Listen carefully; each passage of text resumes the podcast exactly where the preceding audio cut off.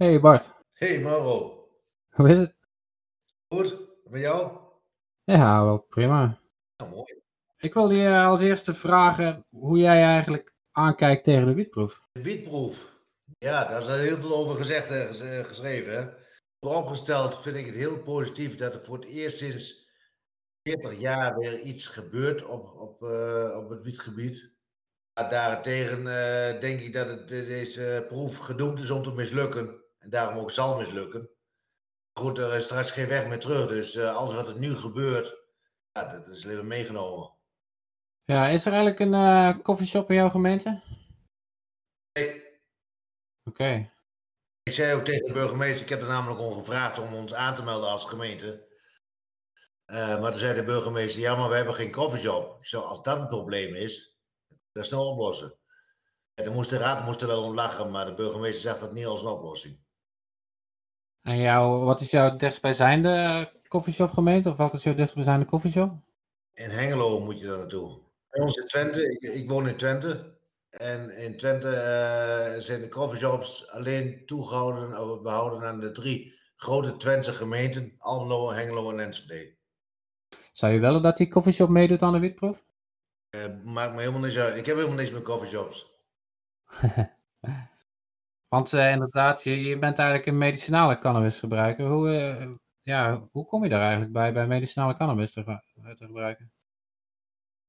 Ja, door, nou, het woordje medicinaal zegt het al, doordat ik het als medicijn gebruikte, gebruik. En dat is gekomen in 2009 heb ik een ongeluk gehad waarbij ik hersenletsel heb opgelopen. En ehm, ik- ik was navigator in, in een rallyteam en op de ene laatste klassementsproef knalden wij op hoge snelheid zijwaarts tegen mij, aan mijn kant tegen een boom. Door die plotselinge vertraging eh, waren mijn ingewanden zwaar gekneusd. En waren mijn hersens ook zwaar gekneusd. Ik heb toen twee weken in coma gelegen. En toen, toen ik uit coma kwam, heel voorzichtig aan, toen bleek ik rechtszijdig verlamd te zijn. En eh, ik kreeg steeds meer medici- medicijnen. En eh geen een van die medicijnen werkte eigenlijk goed. Eh, dus toen ik eindelijk na drie maanden weer thuis woonde, toen ging ik eh, op zoek naar een alternatief voor die medicaties die ik allemaal kreeg. Want eh, het waren weliswaar pijnstillers, die, die stilden ook wel de pijn, maar ik voelde helemaal niets meer. Ik zat de hele dag als een zombie eh, in de, in de, stoel. En de kwelde liep uit mijn mond. En, eh, en dat, was, dat was het. Dus toen ik weer thuis woonde, toen ging ik op zoek naar een alternatief. En die zoektocht die bracht me bij cannabis. En dat kwam eigenlijk omdat ik toen net in die periode vroeg aan mijn, mijn doktoren van wat is nou kapot in mijn hersens? Wat kan ik eraan doen om dat te herstellen, zeg maar. Want ja, wat, wat, je niet kunt, dat kun je leren, denk ik dan, i- als iets met je hersens kapot is. Maar toen legden ze mij uit dat de overdracht van de signalen tussen de receptoren in mijn brein, die is verstoord door die knal, door die hersenkneuzing. En eh, die overdracht, gebeurt door middel van cannabinoïden. Ik hè? Cannabinoïden? Ik denk, zo simpel kan het toch niet zijn? Hm. Zo simpel was het dus wel. Want eh, ik ging opzoeken, denk, hoe kom ik aan cannabinoïden in mijn, eh, in mijn, in mijn hoofd? En ehm, ik wist al wel dat ik in de hoeveel cannabis kon zoeken natuurlijk, maar ik wilde eigenlijk niet aan de drugs, want voor mij, wat, ik had toch wel een beeld dat je dan eh, in een drugswereldje stapt. Dus ik ging, ik denk van waar zit er nog meer in? En dan blijkt er ook in moedermelk te zitten. En eh, ik weet nog goed dat mijn kapster toen net zwanger was, dus ik vroeg aan haar van, eh, heb jij al moedermelk? Want ik wil graag cannabinoïden ge- gebruiken. En ze wou wel wat extra voor mijn kolven, dat was ook het probleem niet. Maar ik denk, ja, dat is geen permanente oplossing. Want de moedermelk is ook niet eh, eeuwig. En om iedere keer nieuwe moedermelk te maken, dat is nogal eh, en kostbaar en heel erg eh, eh, werk, want dat blijft aan de gang. Dus ik denk, het is makkelijk om wiet te kweken. Zodoende ben ik in het wietwereldje ge- gerold, zeg maar. Ja, en je, je kweekt je eigen wiet, toch? Ja, Dat gaat goed. dat gaat steeds beter. Ja, ik ben eerst begonnen met, eh, maar ik, wist, ik kende nog helemaal niemand. Hè. Dit hele wereldje was nieuw voor mij. En ehm, ik heb eerst zaadjes gewoon gekocht bij een growshop. Er zat nog één growshop in Engelo, toen nog. En daar heb ik wat zaadjes gekocht, en, maar het leek nergens op. In het tweede jaar, toen leerde ik inmiddels al een beetje wat mensen kennen die, zeg maar, ehm, hoe zeg ik dat nou netjes, zijn geen criminelen, maar omdat ze dus doen wat niet mag. Uh, dus een van die mensen die uh, dus in wiet handelt, die heb ik bij me naar mijn huis gehaald. Van, ik wil eens even kijken wat ik verkeerd doe. Want uh, het lijkt niet op die planten die ik kweek. En hij zei, nou, hij is, ik ben verkeerd begonnen. Hij zei, je moet met stekjes beginnen. En stekjes. Nou, toen ben ik weer met stekjes. Ik zei, hoe kom ik aan stekjes dan? Ja, bij mij. Nou ja, kom ik, maar dat is allemaal binnenteelt. En ik ben buiten aan het telen, dus dat, dat is helemaal niet geschikt voor elkaar. Dus ik was eigenlijk nog steeds een beetje aan het knooien. En uh, toen uh, is het verhaal eigenlijk voor mij veranderd in 2015. Dus dat is al zes jaar na het ongeluk. Want toen deed ik mee aan de mediacampagne Cannabis Aangenaam van, van, van VOC Nederland. In die campagne, dat deed ook Doede de Jong, deed dat, die was eigenlijk de, de, de trekker van het hele verhaal, volgens mij. Dus zodoende leerde ik Doede de Jong kennen. En sinds die tijd leer ik wiet kweken van, van de beste kwekers van Nederland. Zeg maar, van Doede de Jong, Bernard Bruining hebben we zo leren kennen. En dan leer je dus steeds meer ding, dingen, mensen kennen. Heb je steeds beter uh, materiaal tot je beschikking. Dus uh, het gaat nu wonderbaarlijk, heel erg, of eigenlijk helemaal niet wonderbaarlijk. Het gaat supergoed. Ja, dat is zeer fijn om te horen. Het is een, ja, het is een behoorlijk verhaal. Ja, ja dat is zeker. Humor. Het grootste nieuws deze week was de vervroegde vrijlating van jonge Van Wat uh, ervaarde je toen je dat nieuws binnenkreeg? Ja, wat moet ik daarvoor zeggen? Ik zal heel erg lang op dat nieuws te wachten. Want het komt op zich niet onverwacht. Maar het moet allemaal nog wel steeds. Hè? Het was uh, dicht wel in de lijn verwachtingen, ook waar we al helemaal naartoe hebben gewerkt. Maar ik kan het pas geloven als hij buiten de deur staat. Ja, dat snap ik. Hij gaat er natuurlijk opzoeken. Dat zit er dik in, ja. Maar goed, uh, de familie wil natuurlijk, uh, die gaat altijd voor. Dus uh, de familie zal hem eerst willen zien, denk ik. En er zijn nog heel veel mensen die hem nog niet eens gesproken hebben, ook niet in Vught. Want nadat ik daar ben geweest, um, kwam de corona, dus heeft hij helemaal geen bezoek meer gehad. En hij kan nu natuurlijk wat meer bezoek ontvangen dan één uurtje per week. Straks in ieder geval. Zover ik weet had hij 16 eh, aandoeningen toen hij terugkwam uit eh, Thailand. Zoals waarschijnlijk is dat ze als eerste zijn gezondheid gaan prioriteiten, niet? Ja, ja. Maar goed, hij, mag nog steeds niet weg. Hè. Ik weet niet precies hoe dat gaat met, met uh, enkelbanden zo. Ik weet niet precies wat voor regels als de dokter... Ja, die zal wel bij hem thuis mogen komen, maar... Ik denk dat het inderdaad zo'n constructie wordt. Ja. Dat is op deze manier in elkaar steekt. Dus een nieuwe mijlpaal in zijn strafproces. In een strafproces natuurlijk ook van Frans en van Marco. Ja, zeker weten. Nu begint het eigenlijk pas. Ja, er, is inderdaad ook nog steeds een uh, rechtszaak die gaande is, die dit eigenlijk allemaal heeft uh, veroorzaakt. En, uh, de vraag is, gaan ze nou toch om een of andere, op een of andere manier iets vinden of niet? Ja, nou ja, de tijd zal het leren. Dit moet ook allemaal, ik, ik hou nog steeds mijn hart vast hoor.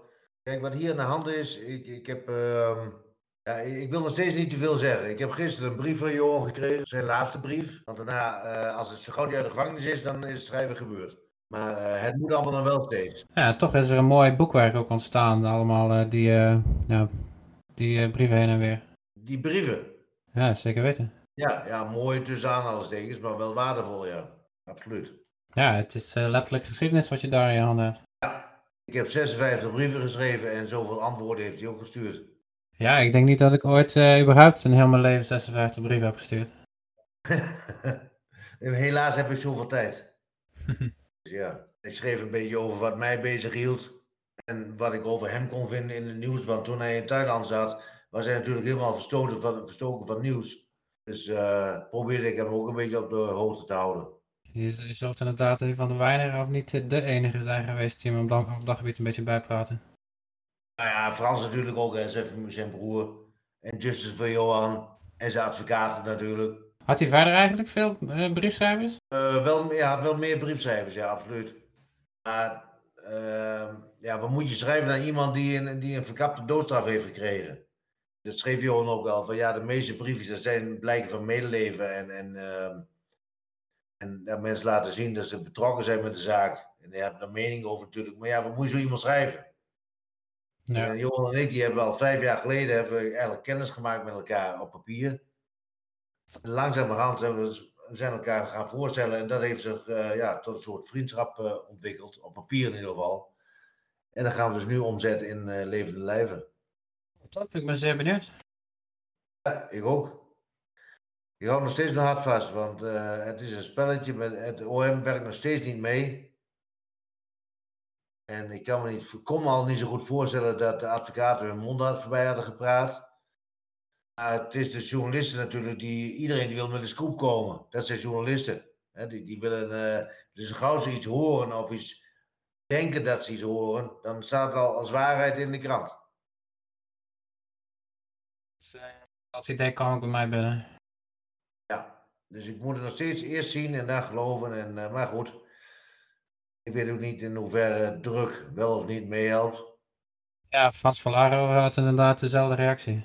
Ja, dus daarom is het nog dus, ja, het is echt uh, heel spannend op het moment.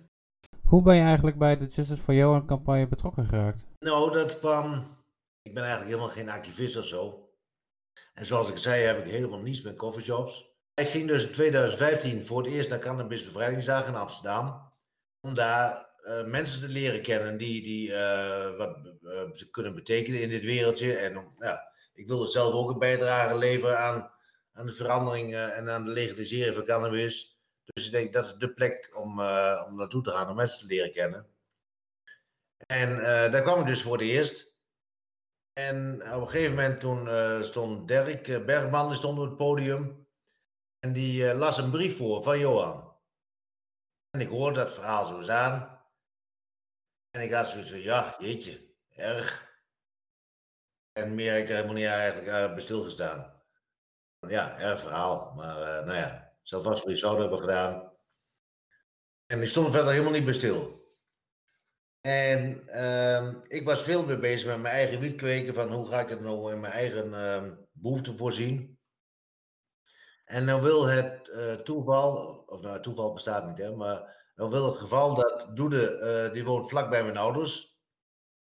En mijn ouders kweken ook voor mij. Uh, dus ik ga daar één keer in de maand naartoe om te kijken hoe het met de planten is en hoe het met mijn ouders is natuurlijk. En uh, dan combineer ik dat ook regelmatig met een bezoekje aan Doede. Dus toen in 2015, een van de eerste keer dat ik bij hem thuis kwam, um, toen vroeg hij, of toen kregen we het over Johan Verlaar over.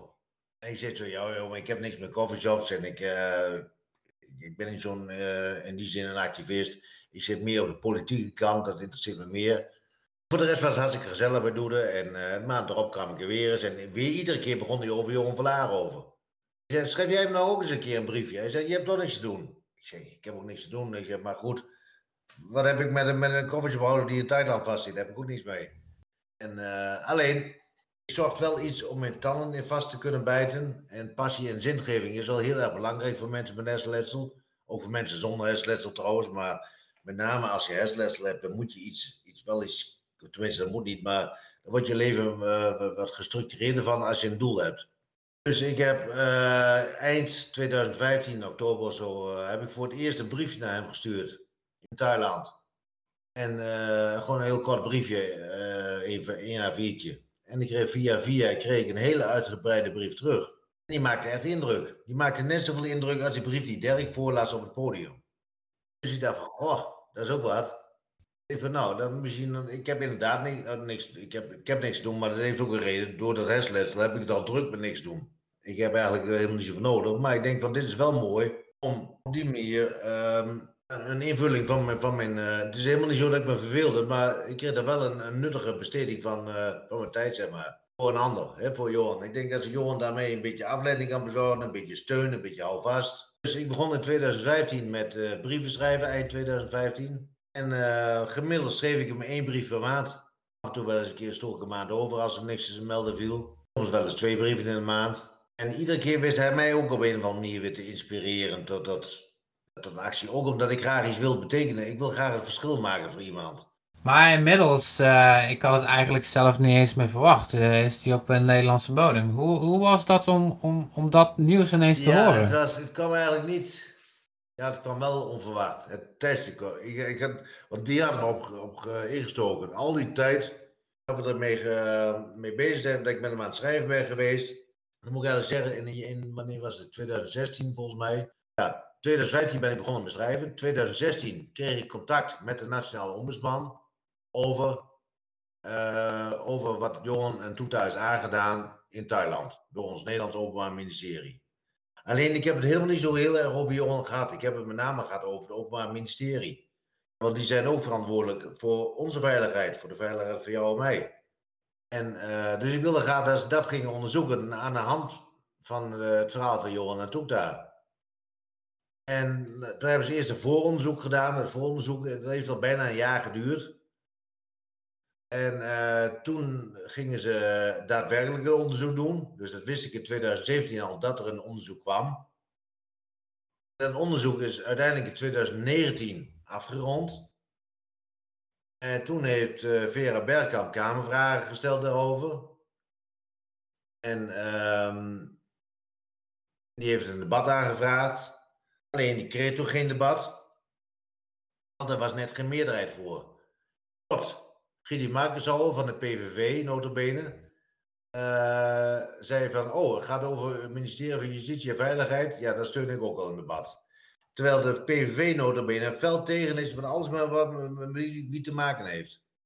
Maar dankzij de PVV is er wel een debat geweest tussen minister Grapperhaus en de partijen. En dat was in, uh, zien wanneer was het? Mei vorig jaar volgens mij. Naar aanleiding van dat debat is minister Grapperhaus naar Thailand gegaan. Weer een half jaar natuurlijk, want dan moest allemaal heel politiek en... Uh, het ligt allemaal heel erg gevoelig, zowel in Nederland als in Thailand. En, uh, en vervolgens uh, lag het hier in Nederland zelfs zo gevoelig dat minister Grapperhaus dat eigenlijk op een hele vertrouwelijke manier moest doen. Dat hij pas het Openbaar Ministerie heeft kunnen inlichten toen Johan in de vliegtuig zat. Dat hij in ieder geval niet meer teruggestuurd kon worden. Ja, hoe, hoe, was dat specifieke moment eigenlijk voor jou om dat te ervaren? Toen je leerde, of kwam te weten dat hij op het, op vliegtuig zat naar uh, Nederland. Ja, dat was geweldig. Dat was tegelijkertijd ook heel dubbel, moet ik eerlijk zeggen. Maar uh, dit was van, ja, hier heb ik vijf jaar naartoe geschreven. En uh, die hebben, zowel hij als ik hebben daar vijf jaar naartoe geleefd. Ja. En op dat moment dat hij, ik, ik, ik was toevallig bij een vriend van mij in Amsterdam. Ik had daar geslapen en ik werd morgens wakker met het eerste berichtje dat hij onderweg was naar Nederland. En ik ben in Amsterdam. Dan ga ik door naar Schiphol. Dus ik ben naar Schiphol gegaan. Ik, ik heb daar verder niemand gezien natuurlijk. Want Johan die werd uh, bij iedereen weggehouden. En ik kreeg ook niemand te zien en te spreken. Maar het was een geweldig moment. Alleen toen, ben ik met, toen ik met de trein terugging naar huis. Toen viel er een enorme last van mijn schouders. Zo van ja, en nu? Want iedere brief die ik naar hem schreef. Die eindigde ik altijd met tot ziens op Schiphol. dat was nu... Uh, dat kon nog niet meer. Maar je bent hem ook daadwerkelijk op gaan zoeken in, de, in Vught. Ja, ja dat, was, dat is de volgende fase natuurlijk. dus, uh, en, en Johan, ik kon ook wel heel erg waarderen, denk ik, al het werk wat ik voor hem heb gedaan. Want ik was als eerste niet-familielid uitgenodigd in Vught. Ik zat er samen met zijn broer en met zijn zoon. Hm. Heb ik een uur lang met Johan kunnen praten. En, uh, of tenminste gedeeld met Frans en met zijn zoon dan. Maar uh, ja, dat was heel bijzonder. Echt heel bijzonder.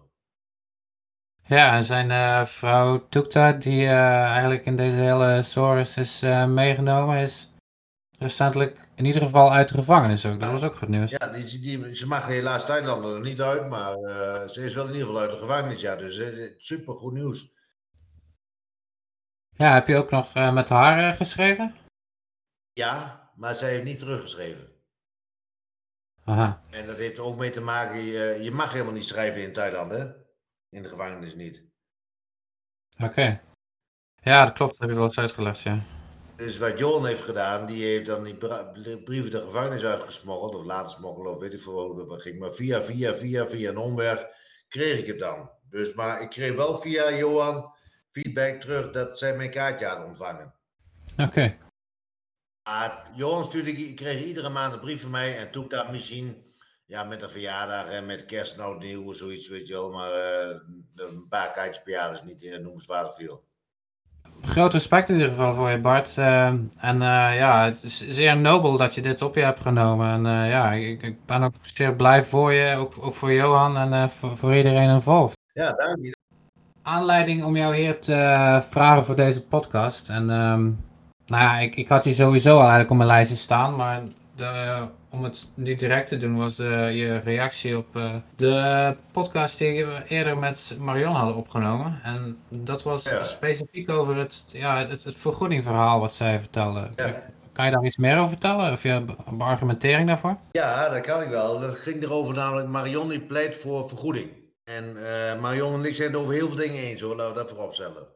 Het is een schat van een meid. Alleen daarover zijn we het niet met elkaar eens. En hoe komt dat? Tijdens die, podcast met Marion is ook de motie uit Hof van Twente te sprake gekomen. Ook in de motie uit Hof van Twente, de gemeente waar ik woon, daarin worden de verzekeraars opgeroepen om het te gaan vergoeden. En um, daar was ik helemaal niet geen voorstander van. Alleen, dat is hetzelfde als een wiet-experiment, beter iets dan niets. Alleen met die vergoeding, daar zit nog een, een grote adder onder het gras. Ik ben, uh, ik ben wel voor vergoeding, dat we het voorop stellen, maar het gaat om de volgorde waarop.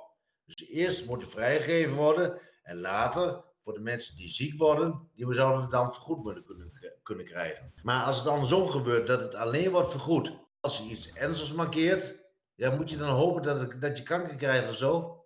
Tja. Dat is toch te gek voor woorden. Dat is toch... Want ik kreeg het in het begin... Uh, ik, ik heb het namelijk helemaal meegemaakt. Ik heb het een jaar lang heb ik het uit de apotheek gehaald. Ik kreeg het niet vergoed. Zorgverzekeraar. Eerst werd er nog gezegd van ja, dan moet je een aanvullende verzekering afsluiten. Ik zeg oké, okay, niet geen enige geval van kennis. Dan praat ik nog over voor 2015, dus 2010 was dat zoiets. Dan haalde ik wiet uit de apotheek. Ik kreeg het niet vergoed. Maar ik mocht er wel aftrekken van, uh, van de belasting. Dus opgeven bij de belasting en aftrekken van mijn inkomsten. Op die manier krijg je toch een beetje vergoed. Uh, maar het was duurder dan de coffeeshop. En de kwaliteit was een stuk slechter dan van de coffeeshop. Het smaakt niet eens naar wiet. Alleen, ja, goed, ik werd er wel duizelig van en uh, nou ja, ik vond het niet lekker, maar goed, een medicijn hoeft het niet lekker te zijn. Na een jaar was ik door mijn financiële reserve heen, dus toen uh, ging ik op zoek naar uh, hoe ga ik het nou op een goedkope manier krijgen. Toen ben ik het eerst bij de coffeeshop gaan halen. Daar zou ik op vertoon van een legitimatie van, een doktersverklaring, zou zelfs korting kunnen krijgen. Dat wilde ik niet. Ik denk van waarom moet ik, omdat ik iets markeer, zou ik minder betalen dan iemand die niet iets markeert. En daar heb ik, daar heb ik dus nooit gebruik van willen maken. Ik denk, ik wil het wel kijken of ik het bij de bron kan halen. Dus toen heb ik het nog een jaar lang bij de bron gehaald. Dus bij de leverancier van de coffeeshops. Ja, dan zit je in een wereldje. Daar moet je moet net uh, van houden. En het trok mij niet zo aan en het was ook niet echt is altijd maar afwachten, weet je wel. Het is niet zo van, uh, nou, je kunt uh, ophalen wanneer je het hebben wilt. Je moet ophalen wanneer het er is. Niet wanneer je het hebben wilt. Dus dat wereldje voelde me niet zo in thuis. Dus toen ben ik mezelf gekweken. En dat heeft je ook uiteindelijk geleid tot dat je zelfs ging inspreken bij de gemeente? Ja, oh ja, ja. Ik voelde mij steeds als een crimineel. En ik was heel erg met wat ik dan doe aan de ene kant. En tegelijkertijd voelde ik me heel erg bezwaard. Want ik teelde wiet. En dan doe je iets crimineels. Dus ik heb het eerst al eens, ik denk van ja, hoe moet ik nou, hoe kan ik voorkomen dat ik word opgepakt? Want als ik word opgepakt, dan is nog eens een keer tot daar toe. Ik heb toch niet zo heel veel te verliezen. Maar dan ben ik wel mijn, mijn, eh, medicijn kwijt. En dan, uh, ze komen altijd uh, vlak tegen oosttijd, nooit uh, aan het begin van het jaar, maar altijd aan het einde van het jaar. En dan worden dus mijn planten, waar ik de hele zomer voor heb gezorgd, die zouden dan afgenomen worden ik denk, ik moet voorkomen, ik wil de kosten wat het kost, wil ik voorkomen dat mijn planten worden afgenomen. Dat ik neergezet word als een crimineel. Want je hebt zo'n naam, hè? Dus um, dat was in 2016, denk ik. Ja. In 2016 werd er een motie aangenomen in de gemeente Tilburg. En zo vreemd, want die motie die riep, of die motie, er werd geen motie aangenomen, er kwam niet eens een motie aan de pas. De burgemeester heeft daar op zijn eigen houtje besloten dat in de gemeente Tilburg mogen patiënten voor eigen medicinaal gebruik hun eigen cannabis kweken. Terwijl de burgemeester daar helemaal niet over gaat. Dat, dat moeten ze in Den Haag regelen. Ik denk, hé, hey, wat Brabanders kunnen, kunnen Tukkers ook. Dus geïnspireerd de acties van uh, Marianne Zesje in Tilburg eh, heb ik ook gebruik gemaakt van eh, mijn recht tot inspreken in de gemeenteraad. En ehm, ik, ben, ik heb ingesproken, ik heb mijn verhaal gedeeld met de gemeenteraad en met de burgemeester. En ze stonden eigenlijk meteen achter mijn verhaal. Alleen, ze wisten niet hoe ze daar een oplossing voor moesten vinden. Ehm, er is dus toen een motie aangenomen. En die motie die riep de burgemeester op om onderzoek te doen van hoe kunnen we dit mogelijk maken Net als Tilburg, zeg maar. En ik zei, ja, maar ik wil het niet net als Tilburg. Want in Tilburg, dan moet je allerlei eisen voldoen. Plus, je bent met name toename bekend. Je, alles, je, uh, iedereen weet alles van je. En uh, je bent afhankelijk van de burgemeester. Inmiddels hebben ze een nieuwe burgemeester die lang niet zo ruimdenkend is over wiet als de voorgaande burgemeester. Uh, Theo Weterings. Vorige was burgemeester Noordanus. En die dachten wat ja, die heeft het allemaal mogelijk gemaakt, maar beter is, die is er veel tegen. Dus ik hou me hard vast voor de patiënten in Tilburg. Daarom wilde ik het niet op die manier in over Twente. Ik wilde een ander model, zodat gemeentes konden kiezen van, nou, ik kies voor model Tilburg, of ik kies voor model Schagen, of ik kies voor model over Twente bijvoorbeeld. En zo waren er nog meer gemeentes die daar allemaal hun eigen mening en ideeën over hebben. Een revolutie begint bij het volk, van binnenuit, bij de gemeente. Dus ik denk, wij kunnen als Twente ook laten zien hoe het kan. Dus ik vroeg, ik zei tegen de burgemeester en ik riep de raad op. Ik zei, wat Brabanders kunnen, kunnen Tukkers ook. Ik zeg dat wij het beter kunnen, maar wij kunnen het minstens net zo goed. Dus uh, als ze in Tilburg wiet kunnen kweken, dan kunnen wij dat toch ook in Over Twente. En dat vonden ze eigenlijk ook wel. Maar goed, de burgemeester die heeft uh, onderzoek gedaan, die heeft gesproken met burgemeester Noordanus heeft gesproken met het Openbaar Ministerie en die kwam tot de slotsom dat het niet kon in Hof van Twente.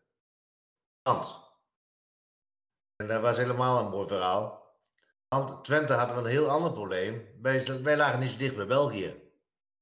wij liggen dicht bij Duitsland. Het slaat natuurlijk helemaal nergens op. Maar ja, dan komen die bestuurders met, met, met kul-argumenten. Dus uh, het, uh, ze konden eigenlijk niks voor me doen. Ik nou, dan blijf ik net zo lang inspreken totdat u wel iets voor mij kunt doen. En uh, dat heb ik gedaan. Ik heb iedere keer ingesproken. Iedere raadsvergadering weer gebruik gemaakt van mijn spreekrecht. Iedere keer ging het weer over wiet. Dat ik uiteindelijk ben uitgenodigd door de burgemeester om, uh, om daar een einde aan te maken. Dat daar maar inspreken, zeg maar. Maar ook om, om een oplossing te vinden. En toen uh, zei ze van, nou, wat we wel kunnen doen is dat we een motie opstellen, uh, waarbij wij ons, wij ons standpunt duidelijk maken en wij andere gemeentes oproepen om zich op dezelfde wijze uit te spreken. En die motie is naar alle gemeentes gestuurd in heel Nederland. Valentijnsdag 2017. Ja, super. Ja, en die motie, daar wordt nog steeds aan gerefereerd. Eh, in die podcast met Marion daar werd ook uh, Jan en Jannie werden daar even genoemd uit de gemeente Zwarte Waterland. Uit Hasselt. En uh, daar is ook een motie aangenomen die uh, gestuurd is weer naar alle gemeentes in heel Nederland. Weer refereert aan de motie uit Alpha Twente. En op die manier blijven dat lijntje wel vasthouden. Het was inderdaad een hele slimme move. Ja, nou, we hebben een hele slimme bestuurder, een hele burgemeester bedoel ik. Zij is de beste bestuurder van Twente en dat is niet voor niks. Dus ik wist helemaal niet dat het kon. Maar, uh, en ze doet zo heel slim eigenlijk wel, want ze wordt nergens genoemd. dat vind ik op zich wel heel slim. Ze, wordt, ze, ze is wel een, heeft een, een beweging op gang gebracht. Ze wordt nergens in genoemd. Nee, dat is, uh, was inderdaad zeer slim van haar. En hoe heeft dit dan geleid tot de oprichting van de Cannabis Social Club van Twente?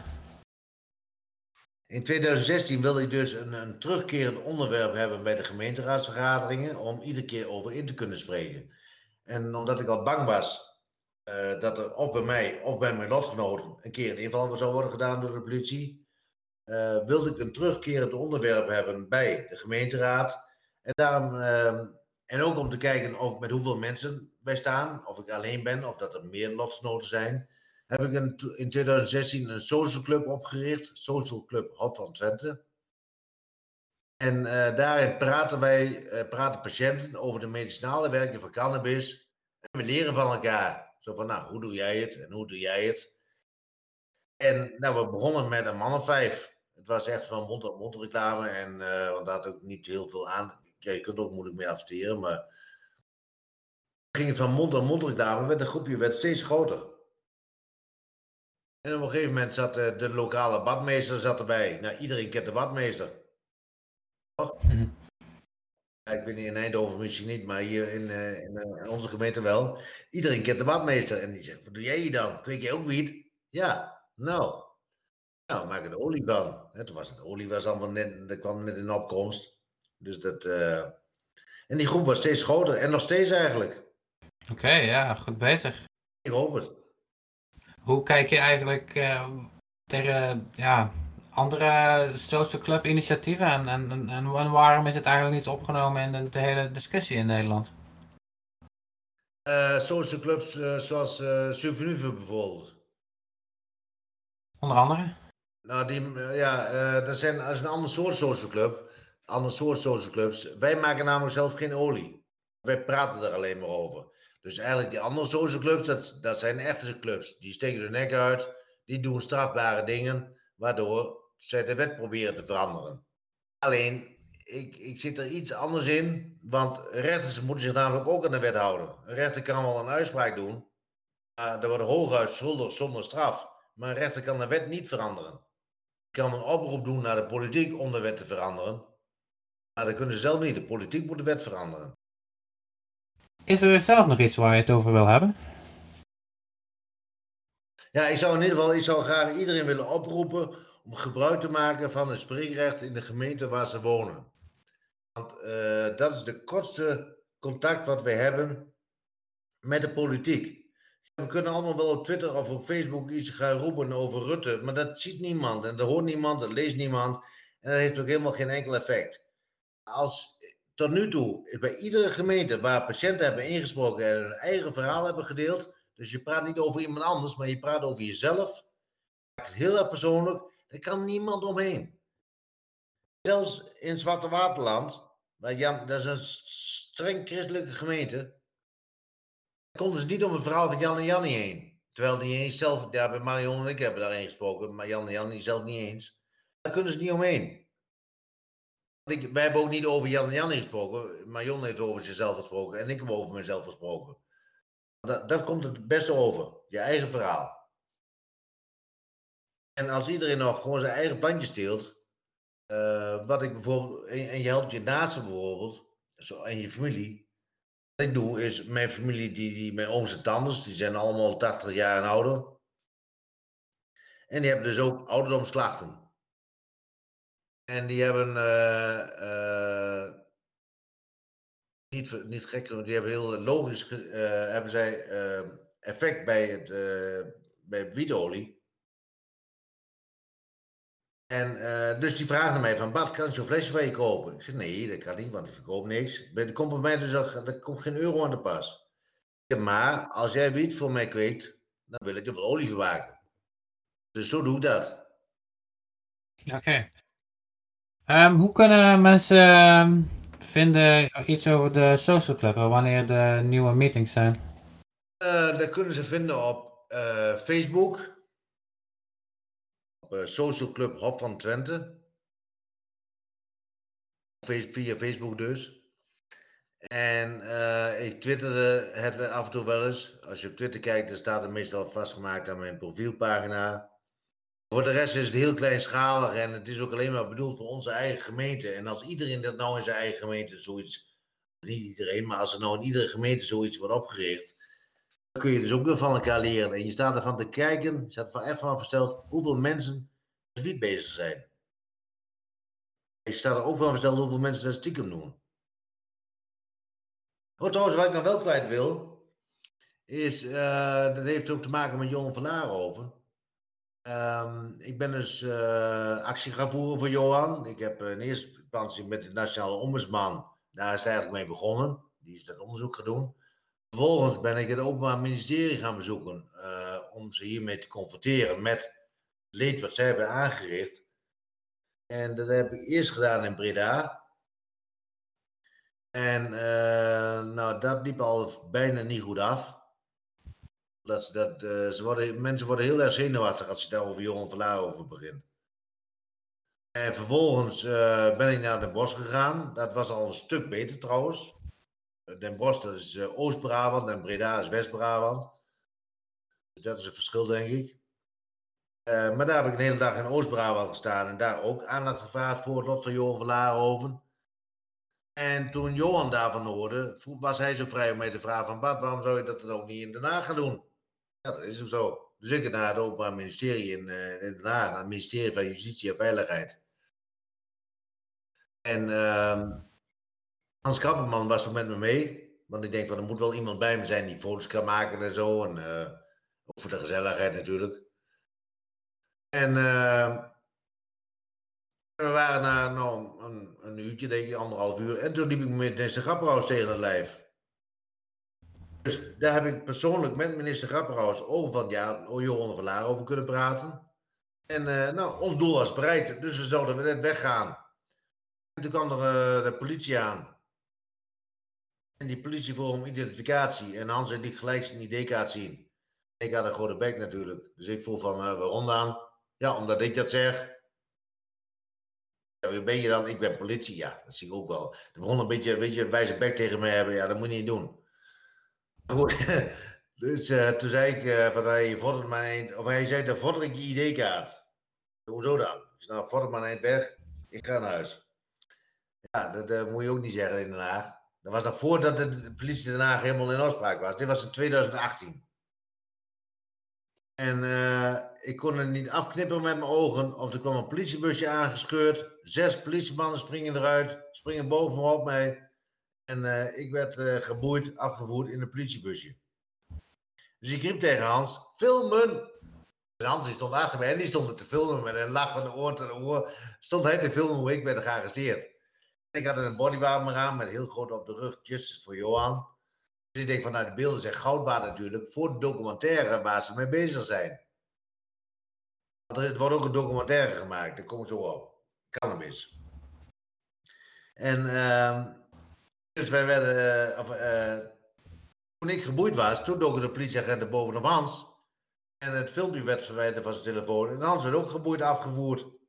Dus even later zaten we op het politiebureau voorgeleid aan een officier van justitie. En Hans kon meteen gaan, want ze hadden helemaal niks tegen Hans. En ze konden mij alleen verwijten dat ik niet tijdig genoeg mijn ID-kaart had getoond. Uh, en daarvoor zou ik een boete thuis krijgen en klaar. Nou duurde dat eventjes, uh, maar uh, anderhalf maand later kreeg ik een strafbeschikking in huis. Dat is heel wat anders dan een boete.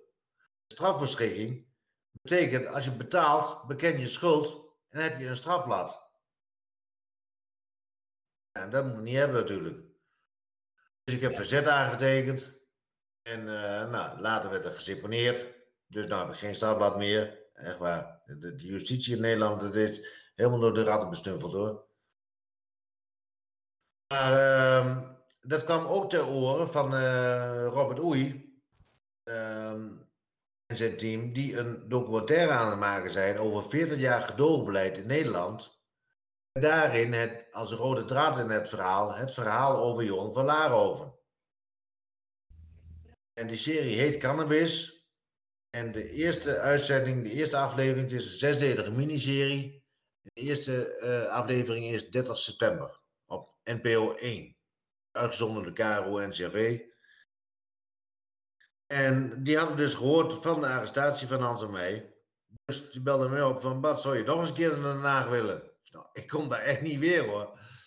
En uh, ja, maar het is in belang van Johan. En uh, nou, dat past goed in. Dan, hebben we ook beelden voor. Dat, dat moet je inmonteren in de, in de reportage. En uh, die, nou, als het belang van Johan is, dan wil ik dat wel doen. Dus Hans en ik weer naar Haag. En dat was in december 2018. Wij weer naar Den Haag toe. En op het station werden wij opgewacht door het team van, uh, van, van KRO en we werden gezenderd. En uh, toen konden we op pad. Toen konden we naar richting het ministerie van Justitie en Veiligheid. Om eigenlijk hetzelfde kunstje weer te doen als wat wij een maanden ervoor hadden gedaan. Om aandacht te vragen voor het lot van Johan van Toekta van Laarhoven. En uh, nou, alsof het geregisseerd was zo, of geproduceerd, ik weet het niet. Of dat het toeval is. Kijk, alle alarmbellen gaan natuurlijk ook al af als uh, Hans Kamperman in de buurt van de Haag komt. Maar toen wij hadden uitgecheckt op de gemeente, uh, bij het station, duurde maar een paar minuten en er stond een politiemotor voor ons. Ja, niet weer. En ja hoor, ID-kaart. Ik zeg, waarom nou weer? Als ik deze gelijke kaart zien en ik vroeg me af waarom. En het hele, hele het ging eigenlijk precies dezelfde keer als een keer daarvoor. Alleen met die verschil dat er nu in één keer vanuit de, uit de lucht van de hengel van de geluidsman naar beneden om het gesprek tussen die politieagent en mij op te vangen. Dus de politieagent die kijkt omhoog en ziet daar die hengel van die geluidsman. En die ziet eentje daarachter de cameraman staan. En dan maakt dat toch wel indruk. Dus in plaats van dat je dan wordt gearresteerd, uh, krijg je in één keer goed gesprek en uh, wordt er een vergunning voor je aangevraagd. De raad trouwens dat je vergunning moet hebben om in Den Haag te lopen. Dan kwam dat Hans en ik met z'n tweeën waren. Als ik daar alleen had gelopen, had ik geen vergunning nodig gehad, maar met z'n tweeën wel. Want dan ben je aan het demonstreren of zo. Nou ja, dus als het goed is, ik weet niet wat er van overblijft natuurlijk in, uh, na de montage. Maar als het goed is, ben ik ook nog, uh, heb ik ook een heel klein rolletje in die nieuwe serie. Ja, top. Ja. Um, voordat we afsluiten, inderdaad, je noemde zijn naam al eerder, eh, Hans Kamperman. Je was daar ook uh, aardig kluis mee lange tijd. Hoe, hoe was dat om ineens te horen dat hij de balkonspringer was? Ja, Hans die even teruggaan. Hans die heeft mij gesteund vanaf de allereerste keer dat ik heb ingesproken bij de gemeenteraad in Alphen Twente. Dus vanaf 2016, september 2016 hebben we voor de eerste keer gesproken. Uh, sindsdien uh, gaan we met elkaar om. En uh, toen Hans in januari 2000, wanneer was het? 18, voor de, de ingang van de Tweede Kamer ging staan om aandacht te vragen voor zijn doel. De vroeg van, wat ga je mee? Ik kom, ga je naast me staan? Ik niet in januari hoe koud het daar is. Sowieso uh, in Den Haag, eh, dat wil ik niet. Ik wil nog maar mee naar Hilversum, maar niet, niet naar Den Haag, want ik ben niet zo'n activist. Maar in maart stond hij er nog steeds. Uh, en toen zijn we daar een keertje naartoe geweest. Op een dag dat, weet ik nog wel, Rick Simpson er ook was. Om hem een hart onder de riem te steken. En uh, meer mensen uit het wereldje waren er om hem een hart onder de riem te steken. Dus ik ging er ook naartoe. Ik ben erover nagedenken.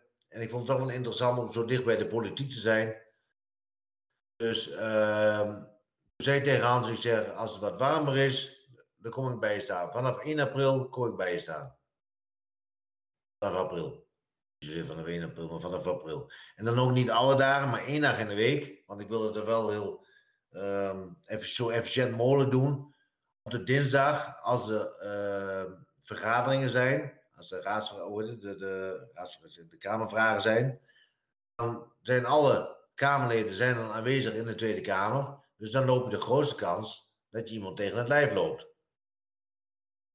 Dus um, dat had ik al met Hans afgesproken.